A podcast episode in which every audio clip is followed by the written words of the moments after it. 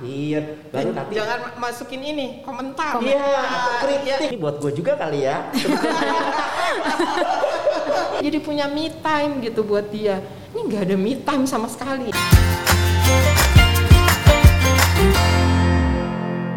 Halo halo, selamat pagi Sobat Sehat RSCM Perkenalkan, saya Dr. Widya yang akan memandu podcast CM atau podcast Cipto Mangunkusumo pada hari ini Ya, hari ini merupakan hari yang spesial karena dalam rangka memperingati Hari Kesehatan Jiwa Sedunia, kita akan berbincang tentang tips dan trik untuk menjaga kesehatan jiwa di masa pandemi terutama pada keluarga.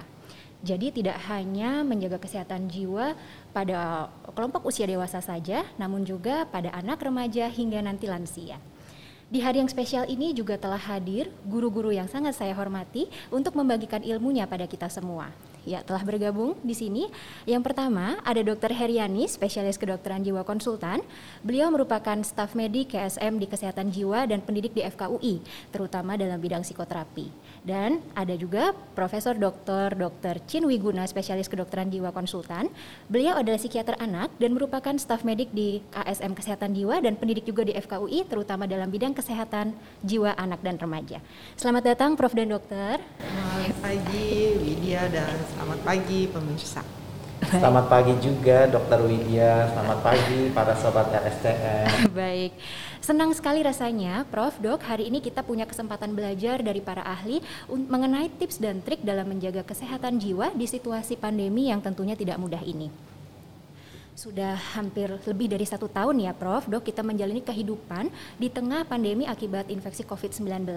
Dan hal ini nampaknya memberikan dampak yang signifikan bagi semua orang. Karena tidak hanya menguji kebugaran fisik, namun juga kita diminta untuk memiliki ketahanan secara psikis yang baik agar dapat melalui situasi pandemi ini. Baik, menurunnya kesehatan jiwa dan meningkatnya stres di masa pandemi ini sering kali dijumpai, terutama sejak diberlakukannya pembatasan aktivitas masyarakat. Dan hal ini dirasakan tidak hanya pada orang dewasa yang sehari-hari bekerja saja, tapi juga pada anak remaja hingga orang tua kita di rumah nih yang sudah lansia. Berangkat dari hal ini, kita eh, perlu memikirkan pentingnya bagi kita untuk mengenali apa saja sebenarnya dampak dari pandemi COVID-19 terhadap kesehatan jiwa keluarga, serta apa saja yang harus disiapkan untuk menghadapi kehidupan selama masa pandemi. Mungkin bisa kita mulai dulu dari Dr. Heriani ya dok. Eh, tadi kita eh, ingin mencari tahu dok eh, bagaimana cara menjaga kesehatan jiwa pada keluarga. Namun sebetulnya seperti apa sih dok sebenarnya konsep kesehatan jiwa pada keluarga itu? Nah, jadi sebenarnya eh, yang namanya keluarga itu kan ada strukturnya harusnya ya. Struktur yang sehat itu di sini orang tua, bapak, ibu biasanya, lalu di bawahnya anak-anak. Nah, kadang-kadang eh, ada keluarga yang strukturnya tidak seperti itu. Jadi sini orang tua, ibu bersama anak-anak atau bahkan ibu ada yang di bawah anak-anak ya seperti itu kan. Atau eh, bapak ber- bersatu sisi dengan siapa, ibu bersatu sisi dengan yang lain dan tentunya ini eh, menimbulkan dampak terhadap masing-masing individu di dalam keluarga itu pasti berdampak ya.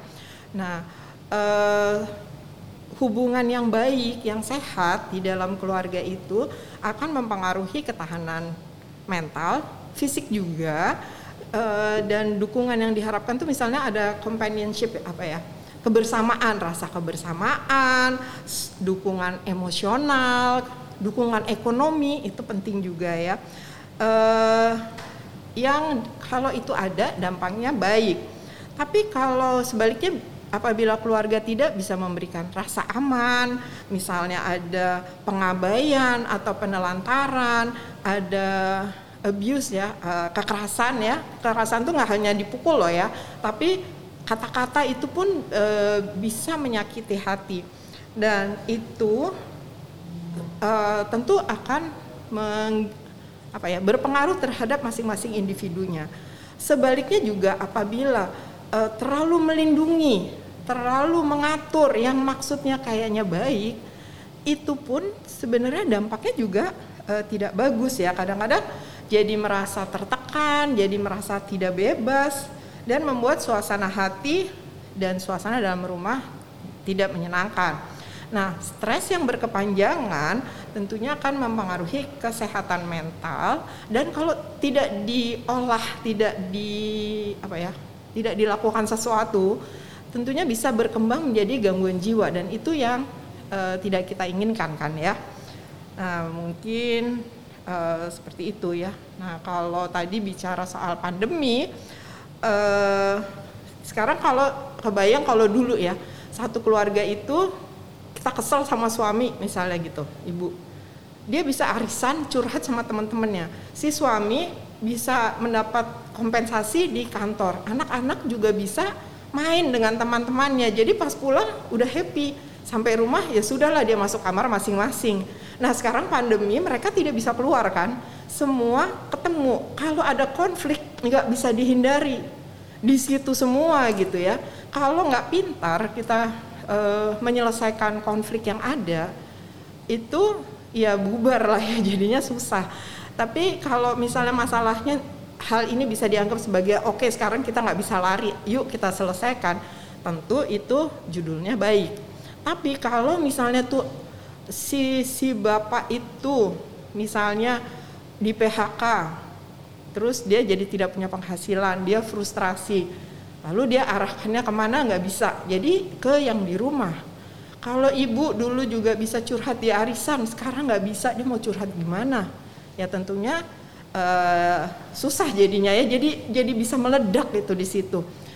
Anak-anak nih yang paling kasihan karena anak-anak uh, itu kan harusnya keluar gitu bersosialisasi ya. Uh, main gitu. Apalagi anak yang kecil-kecil nggak bisa diem di rumah. Kalau rumahnya besar lumayan. Tapi kalau rumahnya sempit ah, ibunya udah pusing diem kamu di situ. Nggak bisa. Aduh anak itu mana bisa diem? Karena memang uh, usianya uh, memang usia main-main ya.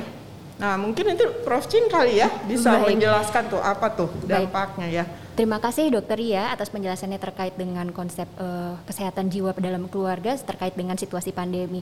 Kita beralih ke Prof Chin. Hmm. Kalau dari uh, aspek anak dan remaja, Prof, seperti berbagai problematika yang sudah disampaikan oleh Dokter Ria tadi, seperti apa sih pentingnya kesehatan jiwa pada mereka populasi anak dan remaja ini, terutama di masa pandemi, Prof? Iya, uh, ya saya setuju banget sih ya dengan apa yang udah dijelaskan dengan Dokter Ria ya atau Dokter Heriani yang guru saya juga sebenarnya ya jadi ini kita guru berjenjang nih di sini. Nah, jadi kalau kita lihat dari aspek kesehatan jiwa, tentunya eh, kesejahteraan subjektif anak menjadi hal yang sangat penting ya.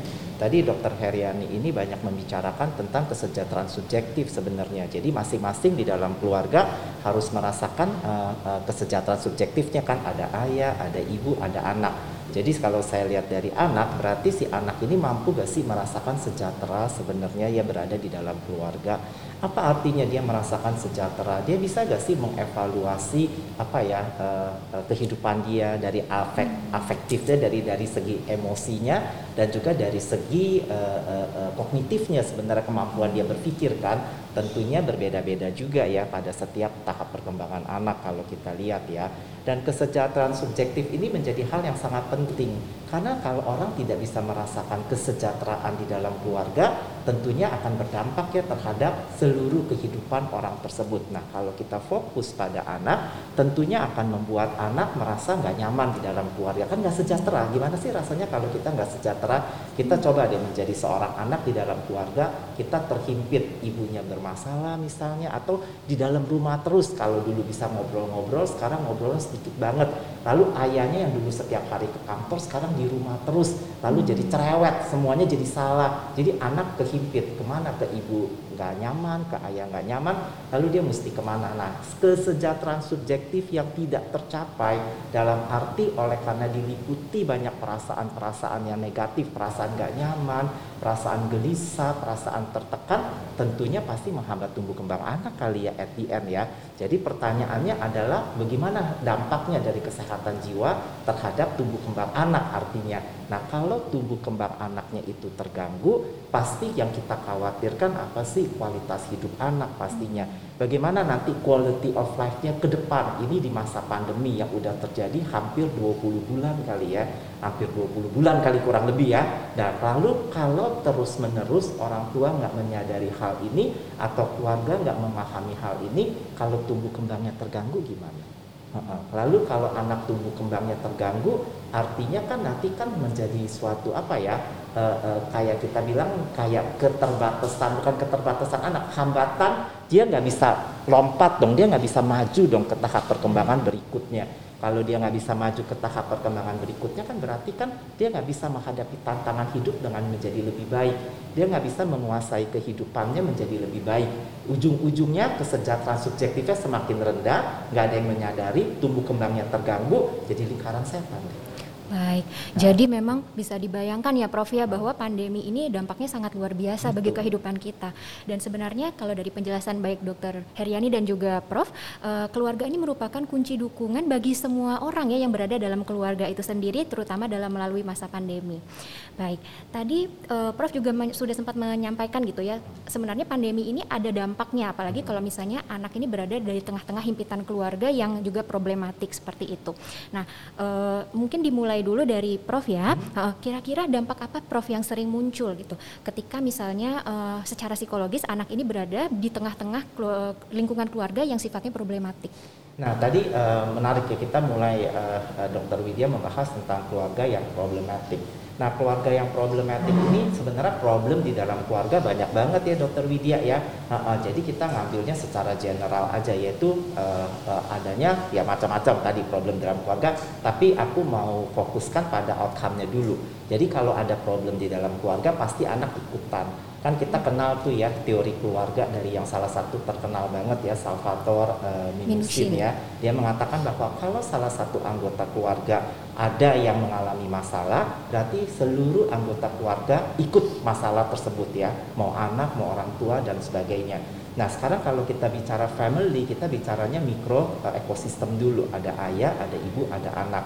Nah, anak yang berhadapan dengan ayah dan ibu yang bermasalah, dia akan bingung ya sebagai anak ya, sebagai hmm. seorang anak taruhlah kita bicara anak nih kadang-kadang agak sulit juga buat saya ya, karena usianya 0 sampai 18 tahun tuh anak ya. Mungkin kita batasin kalau 12 tahun ke atas itu remaja, kemudian kalau 6 sampai 12 tahun ya di bawah 12 tahun gitu anak. Jadi ini anak-anak yang saya bicarakan adalah anak-anak yang 12 tahun ke bawah misalnya.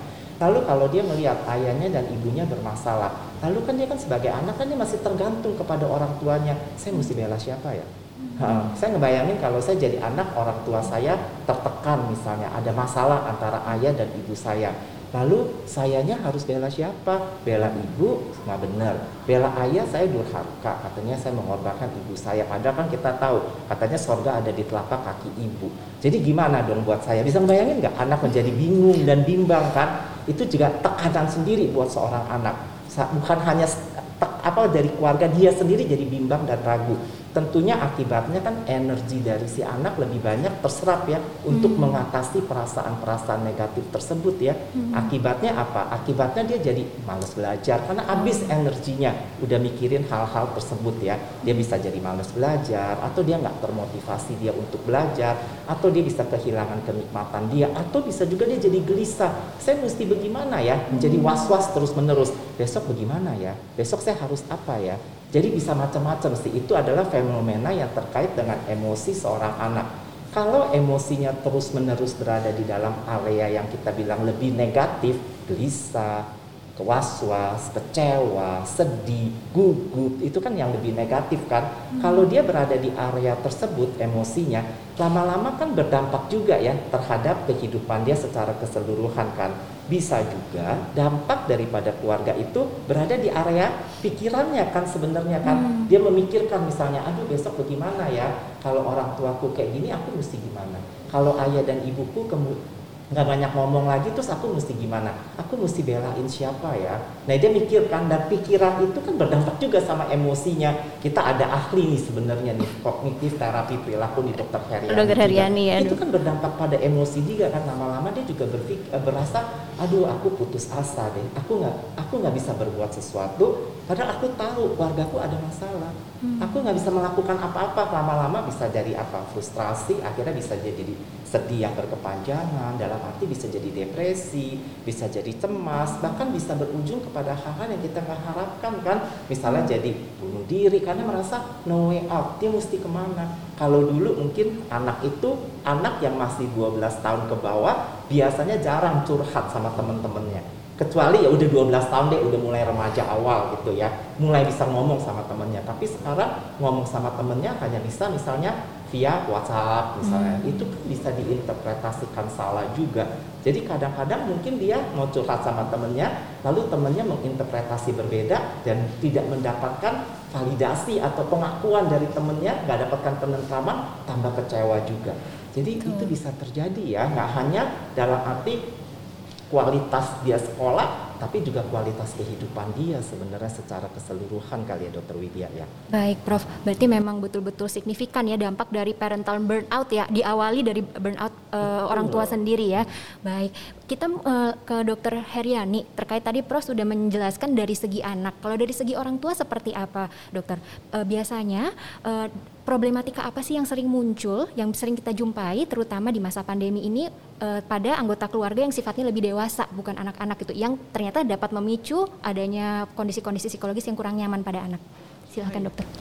Uh, tadi sebenarnya saya ingin menambahkan yang tadi tuh ya curhat lewat WhatsApp ya atau lewat Zoom misalnya nih si anak nih ngomong hmm. remaja apalagi ya udah iya. biasa main itu bisa disalahartikan oleh orang tua sebagai uh, kamu nih main gadget terus gitu ya hmm. kapan belajarnya padahal dia juga lagi curhat dia lagi perlu ya nah itu nah sekarang kembali ke pertanyaannya Widya ya jadi uh, satu yang sering nih uh, masalah pekerjaan sini yang paling banyak ya pekerjaan yang kalau dia pekerjaannya hilang lalu tidak ada income Nah itu pasti masalah besar ya. Hmm. Sementara keperluan anak harus sekolah ya, uh, perlu wifi, perlu gadget lebih hmm. gitu ya. Uh, terus belum si istri ini yang bisa uh, mungkin salah satu ya kalau dua-duanya bekerja mungkin salah satu. Kalau istri yang masih bekerja, suami enggak, itu aja udah bisa jadi konflik kan? Karena, waduh saya sebagai laki-laki tuh jadi apa ya? kayak dikastrasi gitu ya yeah. apa ya seperti tidak ada kejantanannya mungkin dia bisa berpikir seperti itu sementara istrinya mungkin berpikir loh saya ini udah membantu kok kamu masih marah sama saya. Jadi istrinya itu merasa bahwa marahnya dia tak uh, diambil secara pribadi. Padahal mungkin suami itu marah ke dirinya sendiri atau marah ke dunia apa marah ke siapa-siapa. Cuman sama dia nggak tahu mau dilampiaskan ke mana. Jadi jadi jutek aja gitu ke semua orang gitu ya. Nah sementara ini jadi salah pengertian itu banyak. Dan seperti tadi anak-anak yang ada di tengah itu yang paling kasihan. Kalau itu pekerjaannya hilang itu udah pasti jadi masalah. Kalau pekerjaan juga masih ada, itu pun bukan tidak menjadi masalah ya. Itu aja terjadi seperti di rumah saya aja deh tuh, yang tiap orang punya punya gadget wifi cuma satu kalau empat empat empat orang pakai itu jadi lemot banget gitu ya terus aduh tuh bisa tuh ya sama-sama itu masalah kayaknya sederhana banget tapi itu beneran gitu rebutan tempat yang paling kuat wifi-nya. Belum kalau ngomong jangan keras-keras dong gitu kan ya. Pakai ini tapi pas kita menjawab atau apa kan nggak bisa ya. Sementara anak juga harus main loh. Kemarin saya ke, ke ketitipan cucunya pembantu tuh di rumah. Jadi di depannya si modem itu ada saya sebelah sana ada suami saya itu anak kecil. Dan disuruh nyanyi dong ya ada nyanyi suruh nari dan kita sampai gimana gitu ya? Ah, diem dong deh gue lagi presentasi gitu. Tuh hal-hal kecil gitu tuh memicu loh. Memicu banget gitu yang kayaknya kalau itu nggak selesai ya. Padahal sebenarnya mungkin perlu pengaturan ya. Udah gitu sampai malam lagi ya. Hmm. nah ini ibu-ibu mungkin banyak yang merasa nih ya waktu pertama-tama pandemi. Paling kesel tuh adalah kayak gini masih pagi nih sarapan. Udah nanya ntar malam makan apa nih? Mah ntar malam ya. Elah yang ini aja belum kelar. Udah harus menyiapkan ya, dok, gitu. ya. terus bu ya. Nah kalau masih punya uang bisa gojek aja gitu. Eh gojek nggak boleh eh, nggak boleh merek ya. Pokoknya online lah gitu ya pesan online gitu. Tapi kalau harus ada bagaimana? Dia harus mengerjakan. Nah kalau suaminya baik mungkin bisa dibantu kalau anaknya nggak bikin berantakan agak gede mungkin bisa diajak kerja sama. Tapi kalau anaknya masih kecil hmm. yang ngegeratak ke mana-mana baru selesai harus ngerjain itu. Dan itu biasanya tidak dia rasakan di siang hari saat suami ke kantor dan anak-anak ke sekolah. Hmm. dia jadi punya me time gitu buat dia. Ini nggak ada me time sama sekali ya. Sepanjang hari ya dokter sepanjang ya? hari kuplak aja di situ. Itu capek loh betul dok jadi sebenarnya dampaknya ini tidak hanya dirasakan sebenarnya pada keluarga yang tadinya eh, biasa-biasa uh, saja iya. awalnya baik-baik saja ya dok ya iya. lalu uh, menurut dokter bagaimana kepada keluarga yang ternyata sudah memiliki gitu pasien nah. anggota keluarga yang ternyata juga ada gangguan jiwanya bagaimana kira-kira cara keluarga menghadapinya nah itu ya sebenarnya itu uh, seperti tadi ya dokter Chin bilang itu tuh dia nih bisa jadi sasaran saya suka melihatnya seperti gini. Ada dalam satu keluarga itu ada yang berpuasa banget biasanya uh, ada yang tertindas. Itu kalau nggak sehat ya ada yang tertindas. Paling kasihan adalah kalau dia ada gangguan jiwa. Kayaknya dia ngerjain apa juga jadi salah gitu. Hmm. ya kan? Kadang-kadang uh, kita lihat juga dari pasien-pasien yang harusnya dia berobat ngambil obat nggak ada yang mau nganter. Hmm. mahal jauh nggak ada duit nih buat nganter.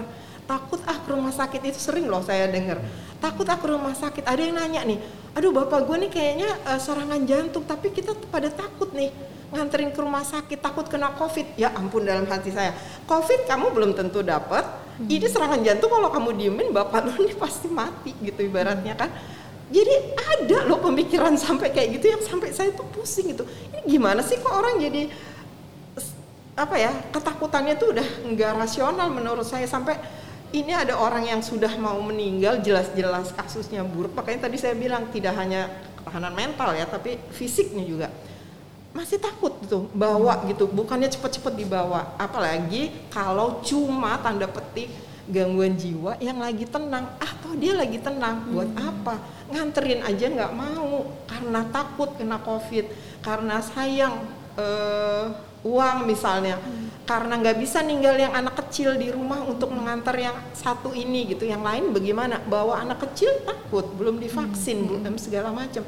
Jadi sebenarnya itu uh, jadi pasti pusing banget lah ya itu banyak pasien kita yang kambuh-kambuh gitu kan karena nggak diantar ya benar betul, ya betul, dokter Widya ya? Hmm. karena ya itu.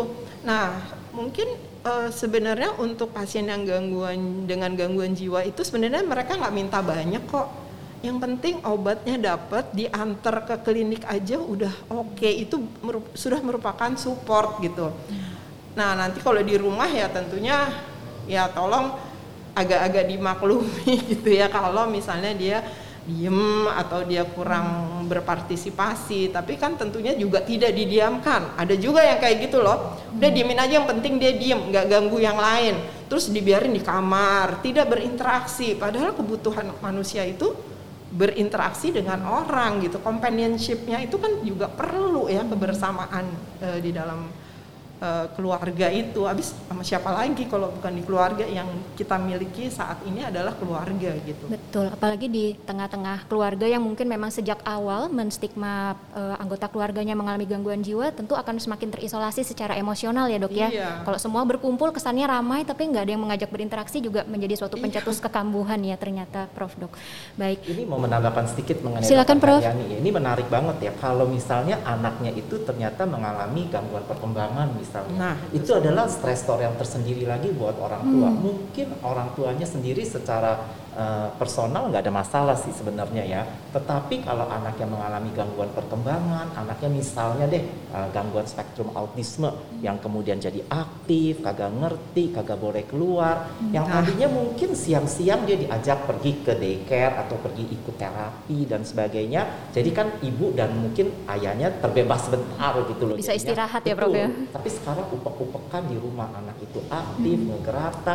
Nah itu juga merupakan stresor sendiri sih. Dan itu hmm. jadi mungkin orang tuanya nggak ada masalah tadi yang seperti dokter Heriani katakan nggak ada problem uh, finansialnya fine, kemudian terus suami istri semua baik-baik aja tapi karena anaknya jadi di rumah terus bisa memicu masalah tersendiri buat hmm. orang tuanya orang tuanya mungkin bisa jadi berantem kali belum kalau denial betul belum kalau denial orang tuanya bisa kali ayahnya nyalain ibunya kenapa nggak selalu ngurusin makan aja sekarang makanan pagi siang malam tapi hmm. ini anak bisa nggak sih dibikin diem aku nih harus WFH nih harus kerja nih. Hmm. Kamu bisa bikin diam nggak anaknya? Sementara istrinya bikin membikin diam anaknya, anaknya teriak-teriak terus. Jadi istrinya juga spanning, ibunya spanning, jadi marah-marah sama anaknya.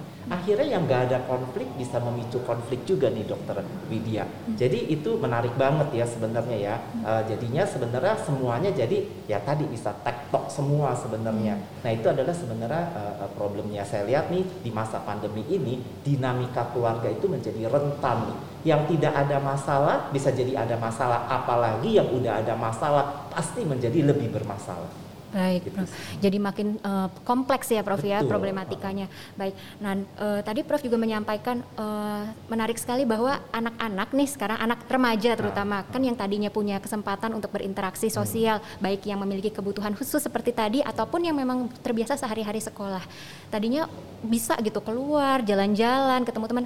Eh ternyata sekarang harus diam di rumah gitu ya, atau memang lagi terkena COVID sehingga mem membuat harus isoman dan lain-lain. Itu itu problem lagi loh kalau ada Betul, apalagi kalau anak dan yang, remaja yang isoman itu kadang-kadang jadi susah ya karena menghabiskan satu ruangan tersendiri betul. gitu ya nah. itu tambah-tambah lagi tuh iya itu betul masalah lain lagi betul Betul sekali. Jadi eh, anak-anak uh, selain itu kan uh, anak dan remaja jadinya banyak begitu menghabiskan waktu di rumah dan saat ini memang ada metode metode yang digunakan ya terutama dalam pihak sekolah menggunakan sekolah daring gitu dengan gadget sehingga tadi seperti dok, concern dokter Heriani juga anak-anak jadi terpaku gitu pegang gadget entah memang sekolah atau yang melakukan hal yang lain. Nah, hal ini kan juga sering dikemukakan ya Prof hmm. dalam proses uh, kita bertemu pasien di klinik ya kayak dok anak saya jadi banyak pegang HP, apa benar tuh belajar dan lain-lain. Nah, seperti apa kira-kira Prof caranya orang tua untuk berkomunikasi supaya anak bisa nyaman gitu melepas gadget, bisa tetap bisa berinteraksi dengan orang tua ketika tidak di jam sekolah?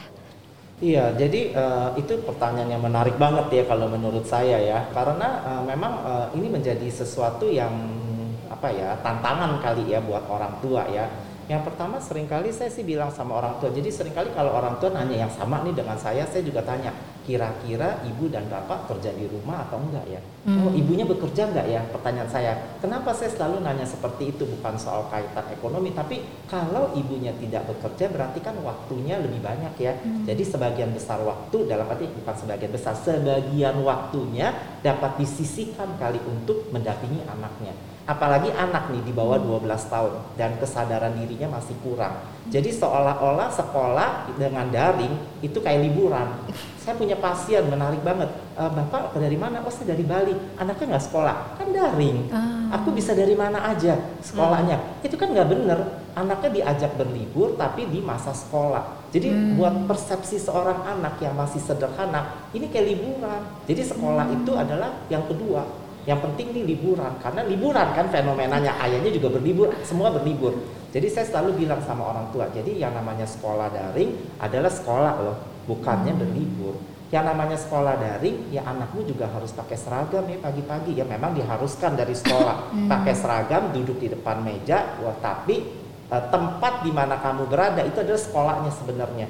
Jadi persepsi itu harus dibentuk sebenarnya dari awal kita kadang-kadang asep juga nih karena kan awalnya kan segala-galanya scattered kali ya buat buat pemerintah buat keluarga juga nggak siap. Kita sekolah daring jadi sekolah seolah-olah sekolah di rumah, di rumah. seolah-olah jadi sekolahnya libur gitu loh tapi sekolah gitu. Nah jadi saya selalu bilang sama orang tua yang namanya sekolah daring adalah anakmu mesti bangun sesuai dengan jadwalnya lalu duduk di depan layar lalu ikut sekolahnya Nah tapi nggak bisa dok katanya, apalagi anak berkebutuhan khusus. Betul. Mau nggak mau, jadi saya bilang sama orang tuanya kamu harus shadowing, jadi harus mendampingi anak kamu. Hmm. Jadi kalau misalnya lagi belajar di depan gadget, mungkin kamu berada setengah meter dari situ kalau kamu nggak mau tampil di layar buat hmm. orang tuanya. Jadi kamu bisa di belakangnya atau jauhan sedikit, tapi kamu bisa mengawasi dari waktu ke waktu anakmu itu join gak sih sebenarnya. Hmm. Jadi jangan dilepas seolah-olah anak itu udah bisa. Padahal dari awal sampai satu setengah tahun atau 20 bulan yang lalu nggak pernah seorang anak pun disiapkan untuk sekolah daring. Hmm. Yang ada sekolah daring itu kan teman universitas terbuka buat iya. mahasiswa, buat orang dewasa yang udah memiliki kemampuan berpikir yang udah lebih uh, mantap ya dalam arti udah memahami situasi-situasi. Tapi buat anak yang di bawah 12 tahun belum. mungkin masih belum kali memiliki konsep tuh belajar daring. Nah, oleh karena itu sampai sekarang pun saya harus uh, mengatakan kepada orang tua harus didampingi. Tetapi kita bersyukur juga nih ya. Sekarang kan udah dilakukan ya eh, PTM ya. PTM nah, mulai jadi dimulai. pertemuan tatap muka udah dimulai. Jadi walaupun sekolahnya masih hybrid mungkin sebagian hari masuk, sebagian hari tidak, tapi at least anak udah diberi kesempatan kembali uh, uh, cara berpikirnya untuk ya kembali ke sekolah, harus mulai belajar. Nah, tapi kalau belajar di rumah nggak ada jalan lain, dia harus didampingi. Nah, kalau anaknya remaja, mungkin bisa diajak ngomong kali sama hmm. orang tuanya. Bahwa ya apa sih tujuannya kamu belajar? Kalau kamu nggak belajar apa yang akan terjadi? Jadi mungkin bisa diajak dialog sehingga motivasi dirinya berkembang. Hmm. tentunya itu kita bicara pada anak-anak yang eh, nggak e, ada masalah. Dalam arti eh, nggak e, ada masalah dalam kaitan dengan kesehatan jiwanya tapi kalau memang dia bermasalah secara kesehatan jiwanya, itu menjadi eh, apa ya tantangan yang tersendiri lagi untuk mengajak mereka atau para remaja ini untuk memahami situasi yang terjadi saat ini kayak apa sih sebenarnya bagaimana sih caranya kita satu keluarga nih bisa uh, apa ya hand in hand apa tuh? Uh, hand in hand apa tuh? Ber, uh, bergandengan, tangan, tangan untuk bisa maju nih satu keluarga nih bersama bareng, nih sebenarnya kita saling mendukung kamu mendukung kita kita mendukung kamu untuk mencapai ya tujuan kita punya keluarga kan? Setiap keluarga kan mempunyai tujuan dan visi misi sendiri-sendiri kan? Kita nggak bisa generalisasi kan sebenarnya. Walaupun pasti secara general semua orang tua mau anaknya sukses tapi seberapa sukses kan mempunyai eh, perbedaan-perbedaan prinsip Nah, saya rasa itu yang paling penting kali ya Dokter Lydia ya. Baik, Prof. Terima kasih. Jadi uh, mensupervisi proses belajar mengajar hmm. walaupun di rumah iya. judulnya daring tetap saja harus dalam format yang formal seperti Betul. itu ya, Prof ya. Baik, terima kasih Prof. Kalau ke Dokter Heriani nih, Dokter. Saya lagi membayangkan kemarin waktu dititipin cucu yang dia bisa ngelosor ke bawah. Nanti kalau temannya yang kayak gitu terus dia udah mulai nungging nungging segala macam pusing karena saya. bosan juga ya dokter ya, ya kan dia nggak bisa nggak tatap muka. Betul. engagementnya tuh beda. Kurang, betul. gitu. Terus sementara dia ribut saya bilang jam 10 dia ribut mas diem dulu ya kenapa? Kan aku lagi istirahat. Jam istirahatnya ada terus dia berisik. Sementara di sini saya lagi lagi mau uh, melakukan pekerjaan lagi lain ngajar, iya. gitu lagi mengajar uh, ya kan masuk pasti suaranya kan. Mas diem dulu. Oh lagi istirahat main di luar sana gitu. Main di halaman jadi memang eh, di di rumah jadi betul-betul interaksinya ada namun jadi kompleks ya dokter ya prof. Ya. jadi gini nih jadi benar-benar susah begini. dipisahkan. Yang dulu oh baik baik. Baik, tadi uh, Prof sudah membahas tentang bagaimana uh, orang tua dalam mengkomunikasikan situasi sekolah daring. Kalau misalnya uh, komunikasi yang lain uh, dari dewasa, terutama Dokter Heriani, uh, kita kan di rumah ini tidak hanya bersama dengan uh, sesama dewasa saja, tapi ada anak kecil, ada dengan uh, orang tua mungkin yang sudah lansia. Bagaimana sebaiknya dokter kita menj uh, menjalin komunikasi dengan mereka Se sejauh apa, seperti apa? Kalau biasanya dewasa muda kan jarang ya berkomunikasi panjang, apalagi dewasa muda yang produk produktif kayak nanya sekedar kabar. Kira-kira ada masukan mungkin dokter terkait cara komunikasi yang mungkin bisa dikembangkan selama masa pandemi ini supaya nggak uh, supaya nggak kalau bahasa anak sekarang tuh supaya nggak garing gitu kalau hmm. lagi di rumah. Hmm menarik nih ya sus ini apalagi kalau tiga generasi. Ya. lintas-lintas ya. Boleh nanti ditambahkan Prof Chin juga. Anak. Wow. aduh itu udah ada benar orang tua sudah pikun kurang pendengaran itu juga aduh itu masalah juga ya. Betul. cuma tapi sebelum sampai ke komunikasi mungkin saya mau cerita dulu ya se, uh, kenapa kok komunikasinya jadi jutek gitu jadi garing atau justru jadi panas gitu ya? Uh, mungkin karena masing-masing itu bertabrakan gitu. Hmm jadi mungkin supaya agak tenang-tenang gitu, barangkali nih nggak tahu di rumah ini siapa nih yang pegang kendali ya. Biasanya ibu nih kalau di rumah ya. Dibikin jadwal kali ya.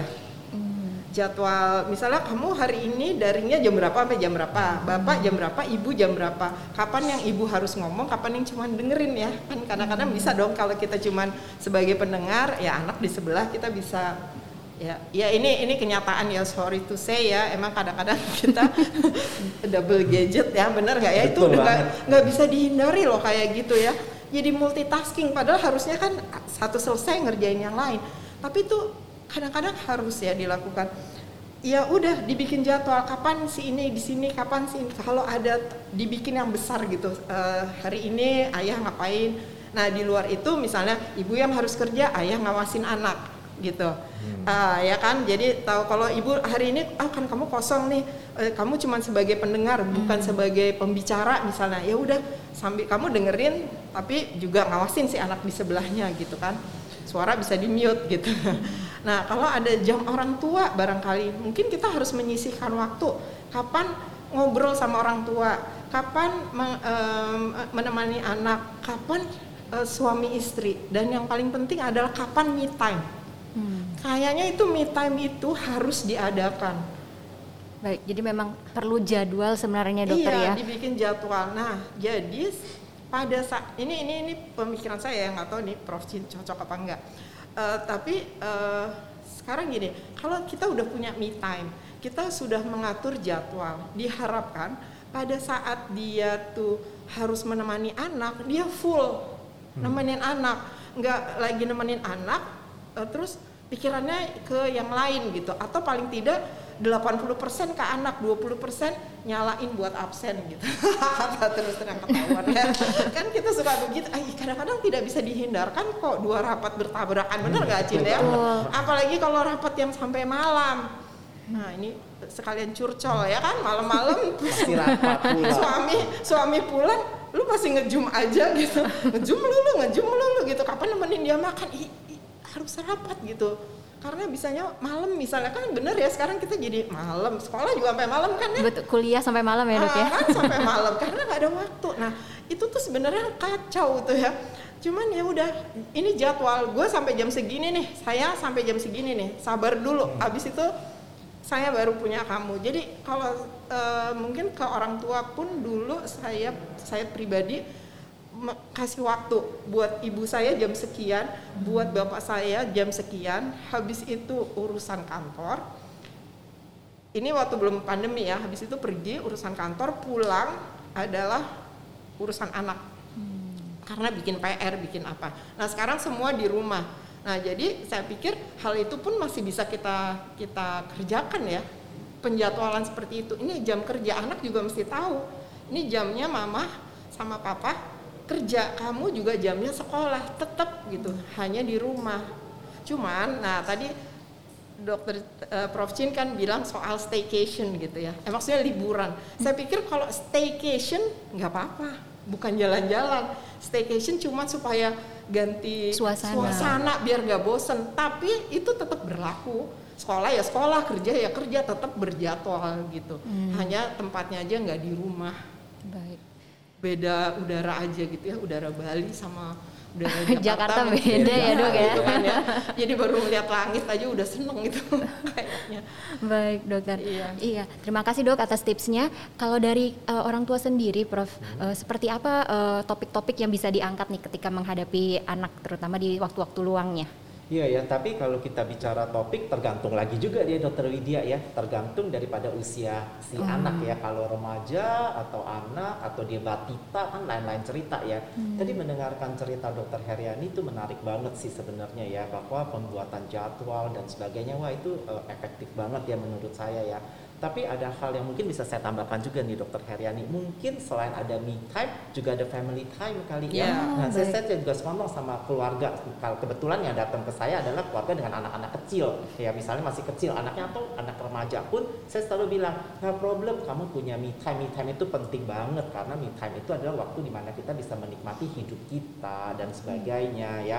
Me time itu uh, sangat penting. Tapi jangan lupa juga mungkin kamu bisa mengambil satu jam untuk family time, ngumpul dengan anak remajanya semuanya ngumpul bareng-bareng. Kadang-kadang misalnya orang tua bilang aduh sibuk banget. Bisa nggak sih misalnya sampai nggak ada waktu? Mungkin kamu dibikin. lagi makan deh atau dibikin, dibikin misalnya. harus. Uh, atau lagi makan bisa sama-sama bikin uh, ngobrol. Jadi sambil makan sambil ngobrol. Dan keterdekatan seperti itu walaupun singkat tapi kadang-kadang buat anak dan remaja itu bermakna loh. Karena itu bisa merasakan bahwa oh ternyata parentsku masih memperhatikan hmm. aku.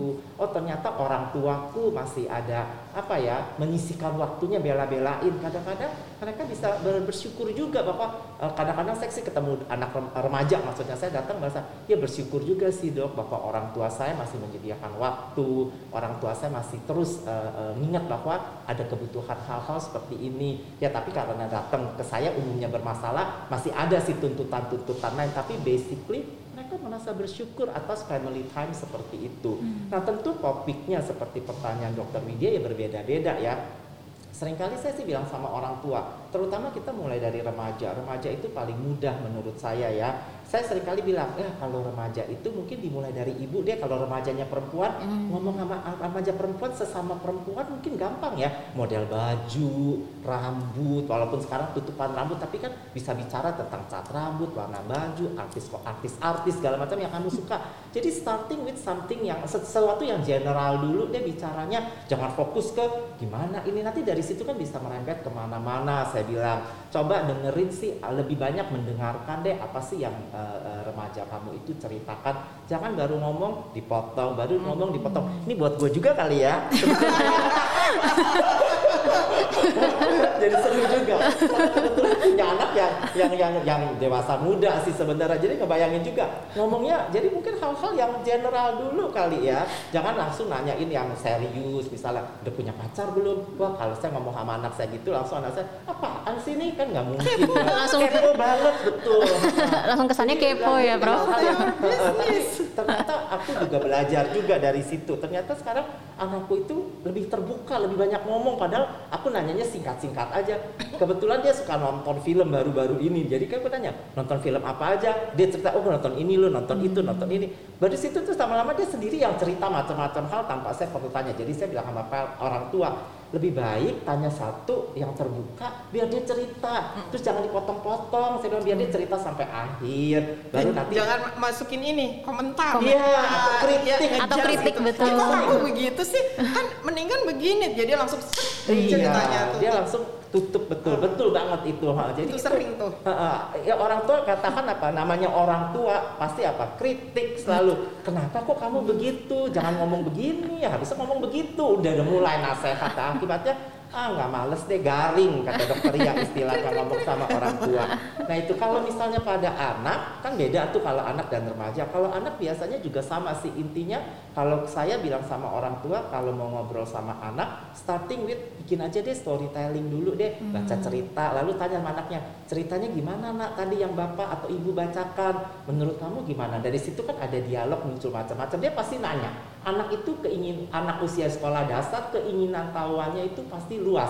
Kenapa sih dia kok kayak gini? Kenapa sih dia kok kayak gitu? Nah muncul topik-topik di mana bisa kita bahas kalau kepada Batita lebih banyak main deh, nggak ada hmm. jalan lain. Karena kan nggak mungkin ngobrol sama Batita. Betul. Pasti ngobrolnya kalau ngidul. Lebih banyak adalah yang saya bilang family time-nya adalah bermain dengan anak. Jadi sisihkan waktu kalau memang bagusnya ada ayah dan ibu bisa main floor time misalnya, main mobil-mobilan, main apa dari situ kan bisa ada keterdekatan emosi ya yang bermanfaat ya. Boleh nggak nyelak nih? Boleh nggak?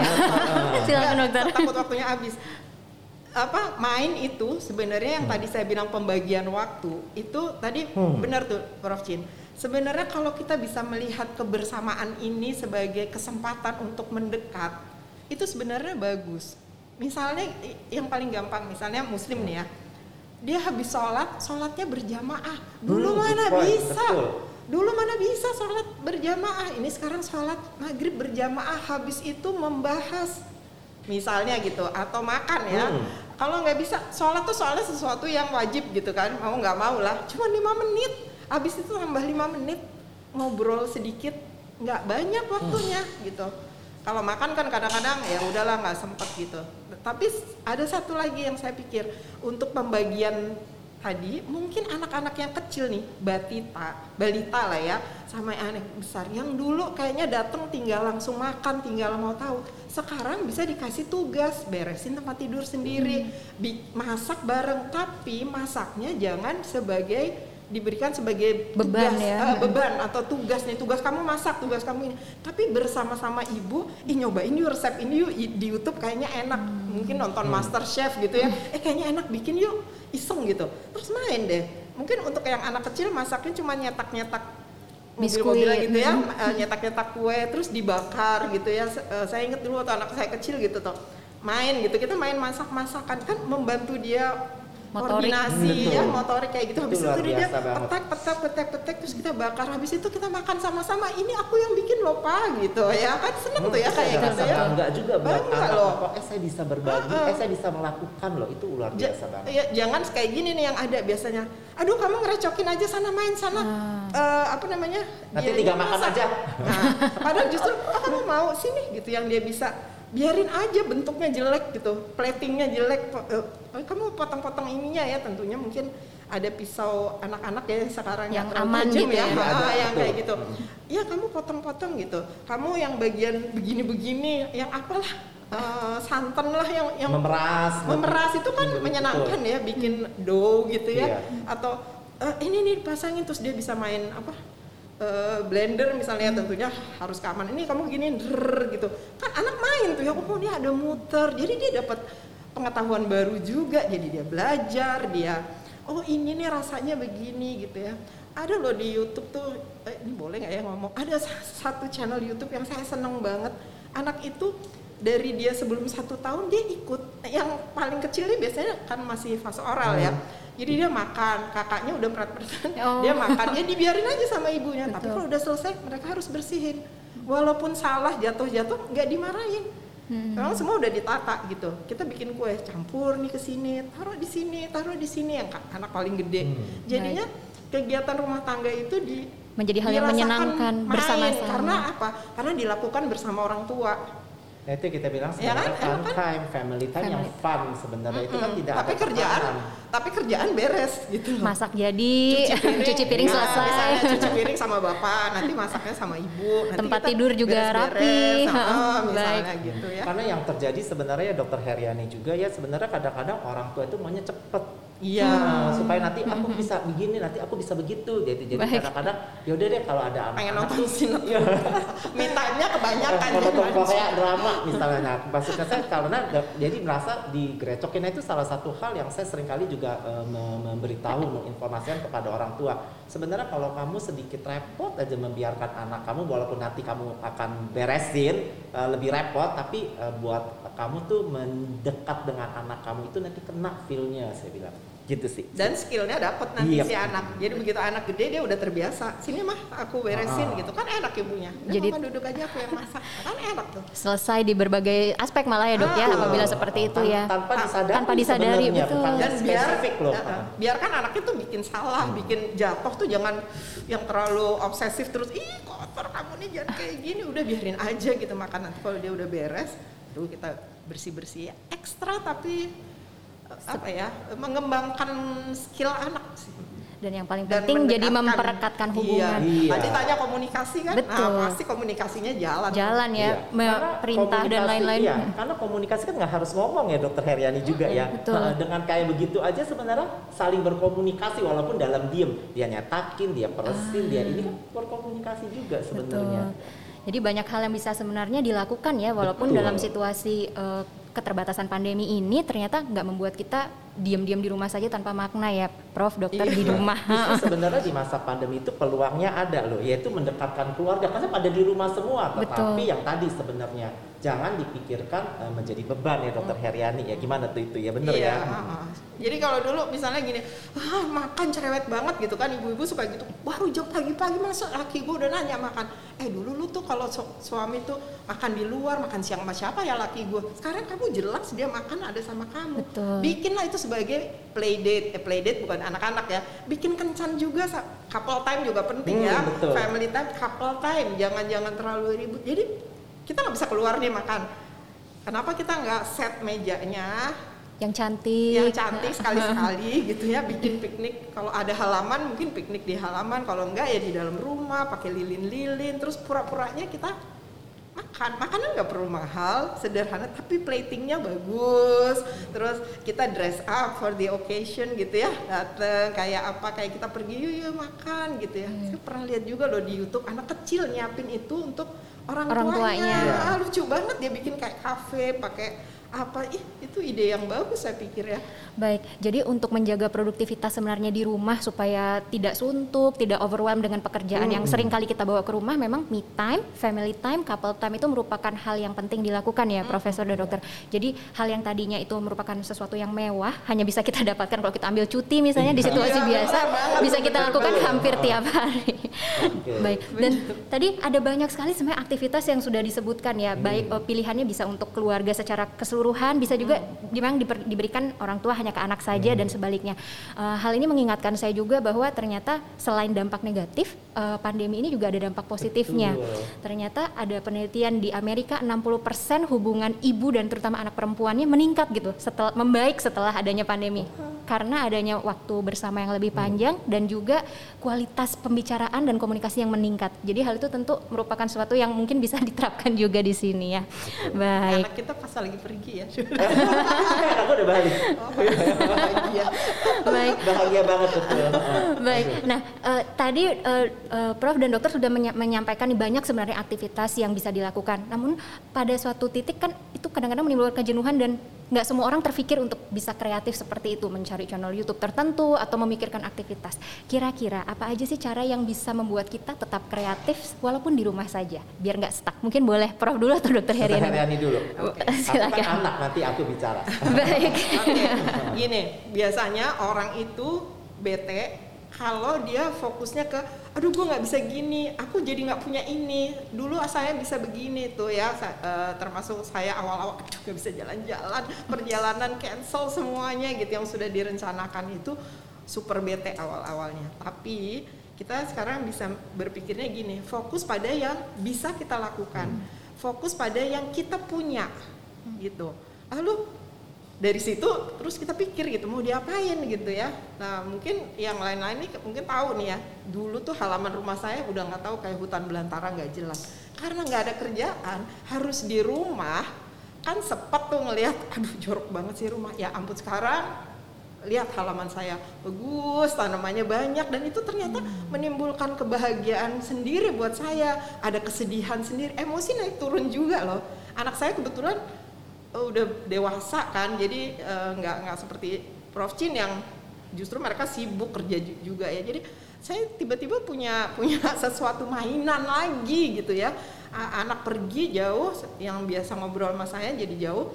Ya saya main sama tanaman. Kalau anak tanamannya sakit saya juga emosi ikut. Kalau dia sehat saya juga happy. Nah ini kan salah satu contoh misalnya. Nah, saya nggak tahu tiap orang pasti punya sesuatu yang dia bisa gitu. Kalau dulu ada yang hobi banyak nih teman saya yang dulu crochet nggak sempet tuh ngerjain tiba-tiba udah jadi berapa taplak berapa waduh bagus-bagus sampai jadi ini baju anak-anak iseng gitu. Jadi hobi-hobi yang lama bisa kita kembangkan lagi gitu. Bahkan hobi baru ya kayak saya tanaman tuh hobi baru banget gitu kan. Tiba-tiba jadi seneng jadi seneng belajar motret gitu kan ya tanya sama Prof Cik udah bagus belum? Ini apaan sih? Itunya jelek. Oke bikin lagi. Ini udah bagus belum? Gitu kan. Kita ada belajar sesuatu yang baru. Eh, saudara saya belajar ba- bahasa baru. Hmm. ada yang baca Al-Quran jadinya khatam berapa kali. Yang dulu nggak bakalan sempet dia Betul. lakukan. Karena di rumah banyak banget. Jadi dia fokus kak gue bisa ngapain ya di rumah? Gitu. Saya apa yang ada di rumah yang bisa saya lakukan memang kalau kita ya situ rumahnya gede situ rumahnya punya halaman. Nah, berarti kita mikirin punyanya orang yang saya nggak punya. Baik. nggak selesai kalau kayak gitu. Tapi rumah saya kecil terbatas. Tapi saya punya suami di rumah saya punya anak di rumah. Orang lain mungkin nggak punya kayak kayak saya. Anaknya pergi jauh gitu. Ya udah di rumah tuh bisa apa gitu. Fokus ke yang bisa gitu Fokus pada potensi yang memang kita miliki iya ya. yang masih Dokter. ada Yang gitu, masih yang ada. masih ada dan yang masih bisa gitu kalau nggak bisa nah kayak sekarang nih sekarang agak mulai turun nih saya lihat nih orang-orang udah mulai udah cuek ya aduh ngeri banget saya ngelihatnya tapi sebenarnya kalau gatel jalan-jalan nih sekarang kan agak lumayan nih gatel jalan-jalan pergilah yang deket-deket yang s- sepi yang outdoor, Hmm. Outdoor, misalnya gitu ya baru dari Sentul kan kemarin Iya, dia Dok. ngajak-ngajak Trekking. Dia sama anak-anak kan itu menyenangkan, Menyenangkan, sehat Dok. gitu di situ sehat gitu jangan ke mall yang banyak orang Betul. misalnya gitu yang ya boleh ke mall sebentar bukan nggak boleh ya tapi Untuk mencari kebutuhan mungkin ya dok ya. keperluan Iya. kita bisa Sehari-hari. gitu ya tapi eh, ya carilah sesuatu yang bisa di luar rumah juga bisa belajar apa bikin pottery aduh itu enak banget cuma saya belum sempat lagi ya Baik. ya ya find something lah Hmm, Oke. Setuju banget.